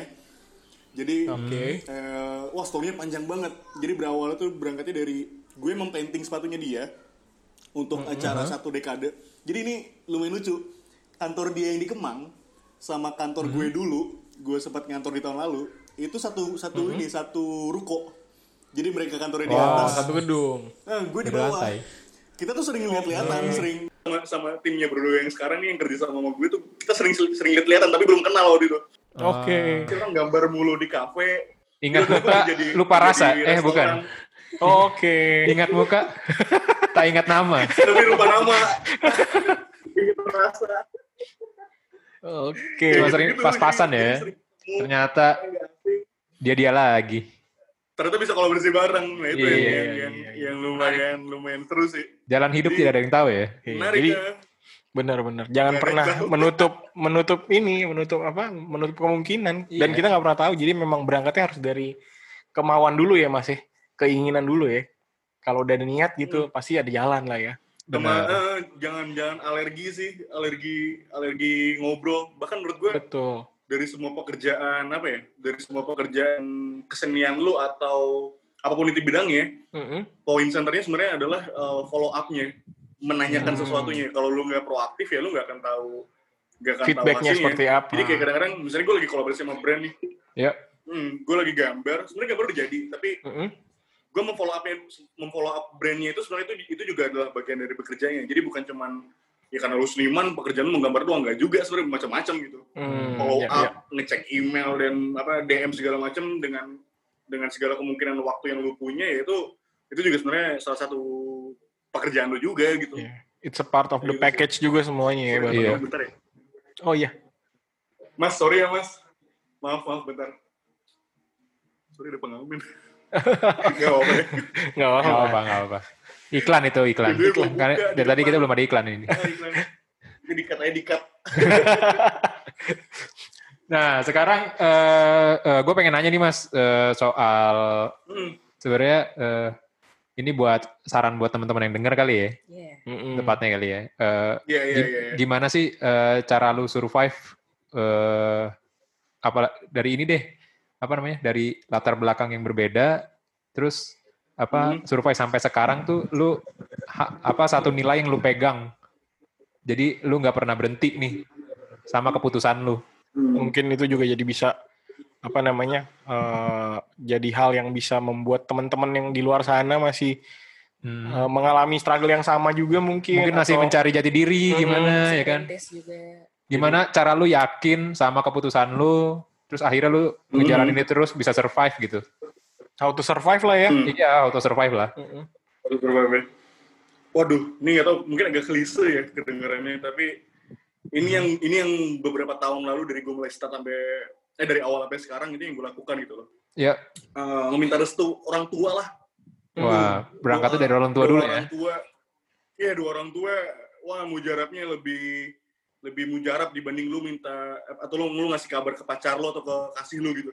Mhm. itu apa impactnya impactnya lumayan ber- apa lumayan kerasa di gue gitu sampai sekarang gitu Uh, Iya, kalau iya. dulu mungkin gue nggak minta restu sama orang tua gue itu bahkan ke apa ke ibu gue gitu sampai sampai sekarang pun mungkin gue nggak akan tahu jadi kayak gimana gitu uh, Hmm. bentuknya ya. maksudnya pekerjaannya atau atau atau apa karir yang gue lakukan nggak kayak gini gitu Iya, Ya, iya. itu sih maksudnya eh, pertama mungkin itu dulu tuh jelasin ke lingkungan terdekat lu terutama ke orang tua lu dulu gitu kalau lu mau jadi apa ilustrator atau lu mau jadi seniman ya lu kasih tahu prosesnya. Bukan proses gambar ya tapi proses gimana Kenapa ya? bertahan hidup dari segi finansial. Jadi je- jelasin rencana lu ya. ekosistem segala macam ya? Karena iya iya orang tua kan taunya ya udah deh gue gimana caranya gue punya rezeki gue Mhm. sekolahin lu lu yang jadi pinter sisanya lu jalanin. Iya, iya. tapi dia nggak tahu tuh gimana caranya lu survive di bidang yang lu suka gitu kadang-kadang. Iya iya. Itu saran gue eh, lu jelasin karena kenapa pasti mereka akan tenang ketika mereka tahu oh ya anak gue nih ternyata jadi ilustrator atau jadi seniman. Terus eh, apa namanya pekerjaannya kayak gini. Ya mungkin dia taunya kayak gitu doang tapi kalau misalnya Hmm. lu jelasin iya nih mah pah dapat uangnya tuh kayak gini loh. Misalnya lu menjadi seorang ilustrator buku. Mhm. ya nih eh, apa eh, aku nih harus ini dulu nih sama eh, penerbit. Terus nanti aku ketemu sama apa pe- penulisnya terus kita bikin buku segala macam. Ibaratnya kayak gitu. Iya, Iya, Maksudnya iya. kayak gue gue harus kolaborasi sama beberapa brand nih. Kemarin misalnya bikin get untuk di acara di Bali. Iya. cara dapat uangnya gimana? Oh cara dapat uangnya kayak gini. Apa eh, aku bikinin gambar nih untuk getnya ukurannya Oke. segini segala macam atau misalnya lagi mural. Bikin apa, bikin muralnya kayak gini-gini segala macam dapat uangnya gimana? Oh dapat uangnya macam-macam dari apa dari bikin karyanya dari produksi apa peralatannya dari pengerjaannya dari jual artworknya. Nah kayak gitu-gitu Jadi Terus misalnya, apa? eh, eh, lu eh, balik lagi ke komunikasi Iya ke komunikasi lu, dan cara lu nunjukin gimana kalau lu tuh emang beneran siap dengan keputusan lu. Sebenarnya Iya, kan iya, iya. dengan lu ngejelasin Benar. secara rinci itu artinya lu sudah eh, lu sudah research sudah matang lah ibaratnya ya Iya. dengan apa yang mau lu ambil ya. Jadi Iya, iya. sebenarnya basicnya itu berarti ya. Karena mungkin kadang tuh penolakan yang muncul pada saat mungkin Benar. orang tua ragu atau apa karena mungkin mereka juga pasti ada kekhawatiran kalau Iya. ngeliat kita tuh belum siap gitu kan. Tapi pada saat kita Iya, mungkin iya, iya. udah lebih siap, udah lebih tahu, bahkan udah bisa, gue tahu nih mah, pak, Langkah-langkah yang mesti diambil. langkah-langkah yang gue mau ambil tuh kayak gimana? Mungkin Iya, nggak semudah itu, tapi setidaknya gue punya gambaran ke depannya mau ngapain. Itu akan lebih menenangkan Benar sih. mereka gitu ya. Benar sih. ya. Iya iya. Banyak soalnya banyak kejadian Iya, kan yang orang-orang awal yang ya. pengen jadi ini itu tapi Hmm. nggak tahu eh, cara ngejelasinnya gimana ke orang tua akhirnya sama orang tua enggak enggak deh skip skip gitu. Iya. Iya kan. Iya. Ya tadi gue bilang ke di awal mungkin kedengeran klise tapi eh, gue sampai sekarang masih percaya gitu Heeh. ada apa restu dan doa ibu atau orang tua tuh sebegitu mujarabnya gitu sampai sampai Iya. sekarang gitu Betul, nggak sekedar nggak sekedar tulisan di belakang truk ya mas ya doa ibu. Iya. Nggak sekedar, nggak sekedar warteg ya. wah tuh gokil sih itu Oh, iya, ya iya. itu basicnya aja kayak gitu ya yang lu lihat keseharian tapi itu doa gitu loh yang lu Iya, Betul baca betul betul. jadi bukan bukan main-main gitu nggak tahu sampai sekarang gue juga ngerasa itu bener nggak sih tapi ya ternyata kerasa gitu kalau dulu Iya. ada beberapa kasus juga gue ketika gue nggak cerita ke orang tua gue ada aja kendalanya ada aja masalahnya Hmm. gitu Iya atau iya. misalnya ketika lu nggak cerita terus lu dapat masalah dari dari dari apa yang lu lakuin terus lu cerita ke orang tua lu orang Mhm. orang tua lu pun nggak bisa mungkin nggak bisa bantu karena lu nya juga nggak cerita gitu kan jadi Iya, iya. menurut gue perihal perihal utamanya jelas di komunikasi gitu ya terutama Hmm. terdekatnya di orang tua dulu gitu. Hmm. itu pertama maksudnya macam-macam ya buat gue eh, belakangan sih kalau misalnya lu mau start menjadi paling tidak eh, visual artis yang apa yang survive gitu Iya. itu tadi sih jangan alergi belajar gitu Mhm. nggak masalah lu dilihat di depan atau di permukaan menjadi orang yang bodoh Iya. tapi lu mau belajar atau eh, ya balik lagi kalau lu pengen kelihatan pinter tapi ternyata lu alergi untuk belajar ya menurut gue lu akan rugi juga gitu jadi lebih baik Iya.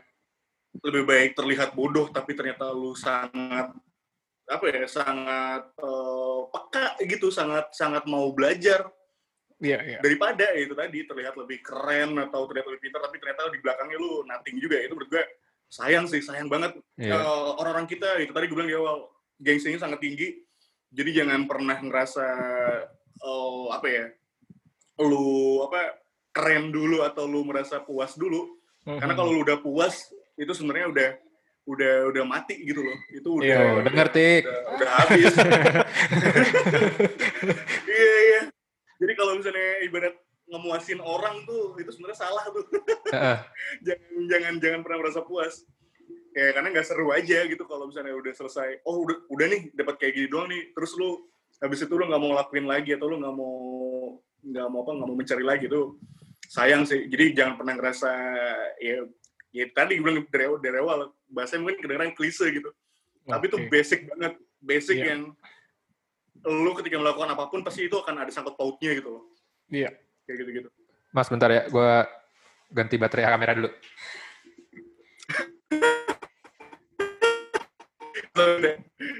Kameranya ah, habis baterainya. Wah. Jadi nanti tuh dari si Zoom ini ya nanti yang di apa yang diupload atau gimana? Iya, Atau jadi nanti jadi nanti kita nge-shoot di kamera juga, nanti akan kita combine juga sama yang recording dari Zoom-nya, Mas. Hmm, wah nice nice. Oh berarti kalian lumayan PR ya nanti editingnya. Duh, kalau banyak salah-salah, Nggak apa-apa. Mas. sorry ya. Kan kita sama juga kayak tadi. Yang penting kita mulai dulu aja, kita coba aja. Karena kita juga kan masih baru dan belum pernah ngelakuin ini juga sebelumnya. Tapi daripada kita nggak tahu gimana outputnya, kita coba dulu deh, Mas. Iya kan? Bener bener Gitu. bener. Ini ini juga first time ya kalian apa eh, podcast dari video ini pakai Google, eh, pakai Zoom ini. Ini yang Atau kedua. udah pernah sebelumnya? Ini yang kedua ya. Oh yang kedua. Uh, uh, podcast via Zoom Oh iya, ini yang kedua nih Mas. kemarin. Tapi kedua juga baru berapa hari yang lalu ya. Iya, baru.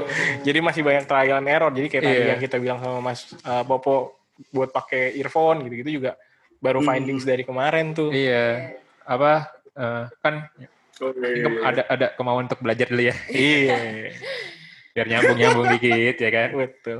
By the way tadi Boleh, boleh, boleh, masih ada lagi nggak tuh Mas? Kayaknya masih kepotong tuh tadi tuh. Iya, iya. Dari yang Oh, apa? iya. uh, doa orang tua, terus juga Kemauan untuk belajar. Jangan alergi buat belajar. Karena kan Oh, tadi iya. terakhir Sama yang apa? paling hmm, yang yang terakhir kadang ini sih eh, banyak yang dilupain ya, tapi lumayan vital juga gitu. Mm-mm. Gue percaya gitu ketika lo dapat satu project, Ya. eh, itu akan berpengaruh ke project lainnya.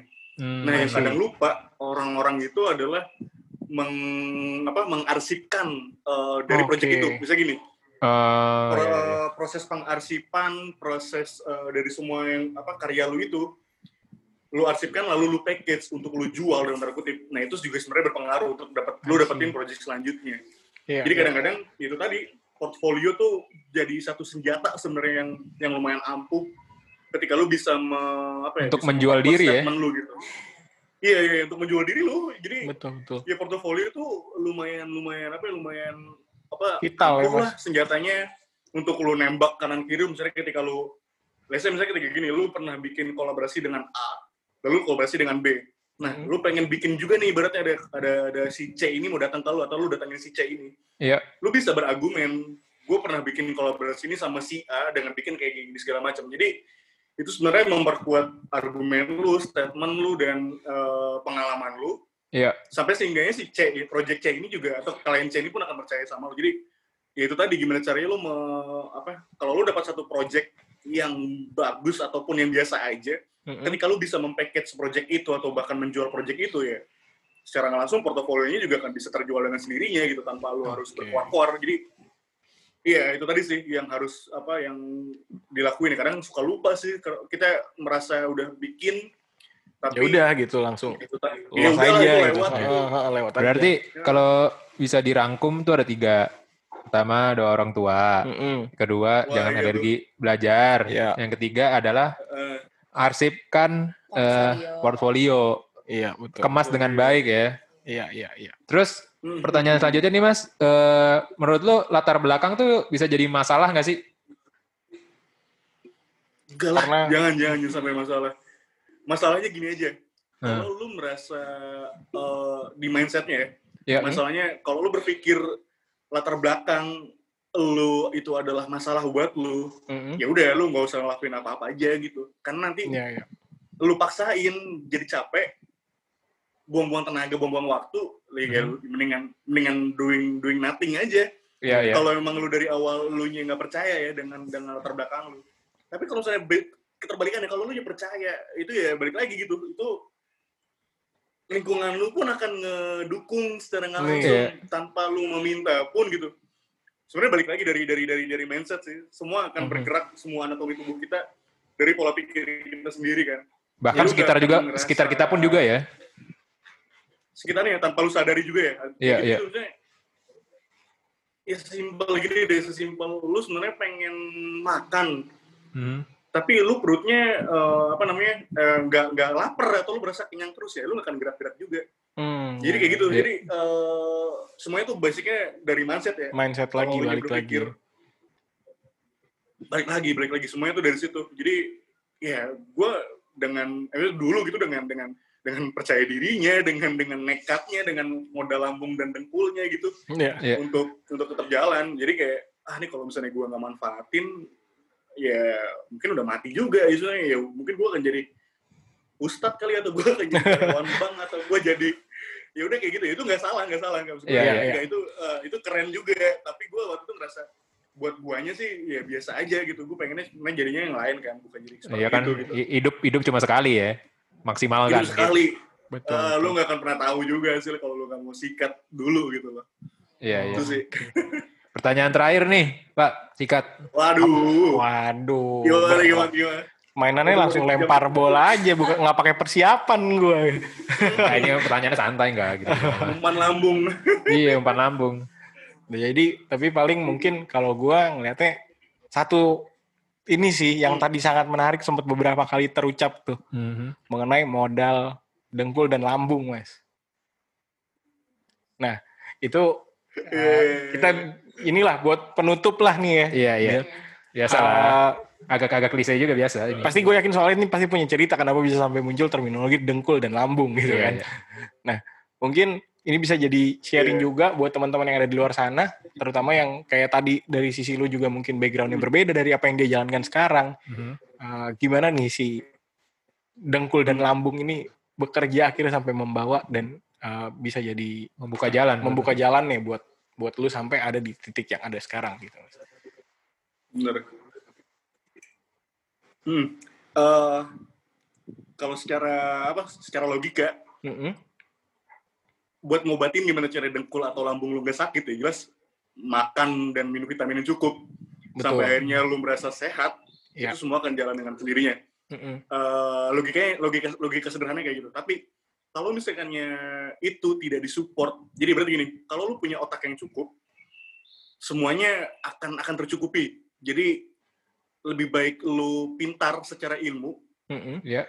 lalu semuanya menjadi menjadi lancar daripada ya itu tadi mungkin gue karena ngerasa nggak ini ya nggak apa karena gue ngerasa nggak pintar ya jadi yang yang gue pakai dengkul dan lambung gitu dengkul Hmm. maksudnya anatominya eh, eh, logikanya gini kalau gue nggak pakai kaki gue untuk berpindah tempat dari satu ke tempat yang lainnya mungkin gue nggak akan belajar atau gue nggak akan berkenalan dengan siapa pun Iya. Ya. atau kalau gue tidak memakai lambung gue dengan cara menahan lapar atau eh, apa namanya menahan ya itu, itu tadi minum minuman keras dulu sampai akhirnya di tongkrongan itu untuk lu ikutin gaya apa gaya hidupnya Iya. Mungkin ya lambung gue nggak akan pecah juga atau mungkin lambung gue juga nggak akan sakit gitu. Karena Hmm. sampai harus menunggu lapar dulu cuman karena untuk belajar gitu. Jadi ya balik lagi gitu. Kalau memang lu punya otak yang cukup eh, ilmu yang cukup untuk lu apa untuk lu cari jadi pintar ya manfaatkan sebaik-baiknya gitu. Iya. karena mungkin waktu itu gua tidak punya itu ya, apa yang gua punya dengkul dan lambung gue ya sebenarnya ses- seder- sesederhana itu gitu loh jadi Iya, iya benar-benar. ya sebaiknya kalau bisa mah jangan dipakai ya udah kalau ada ya udah aja gitu maksudnya Iya, iya. manfaatkan seadanya tapi itu tadi gitu karena gue tidak diasupi eh, i- keilmuan atau disiplin ilmu yang gue suka ya gue manfaatkan apa yang ada gitu Oke. Oh. karena pola Oke. pikirnya kan bukan kerja keras kan tapi kerja kerja cerdas kan Kerja cerdas, Iya. benar banget, benar banget. Tapi ya itu, balik lagi ini kan lu eh, mau buka jalan. Ya lu masih jalan. Harus dimulai dari keinginan, Iya, mulai kemauan, jalan. dan usaha ya mas ya. Iya. Usaha. Jadi sebenarnya modal Jadi itu- dengkul dan lambung itu usahanya, willpowernya Iya, itu, ya. itu itu bentuk usaha sebenarnya berarti. Benar-benar. Dan itu bikin kita belajar banget sih so far ya. Kayak sama Mas Popo Mangun, uh, beneran mulai dari usaha, cari yang lu suka, jalanin.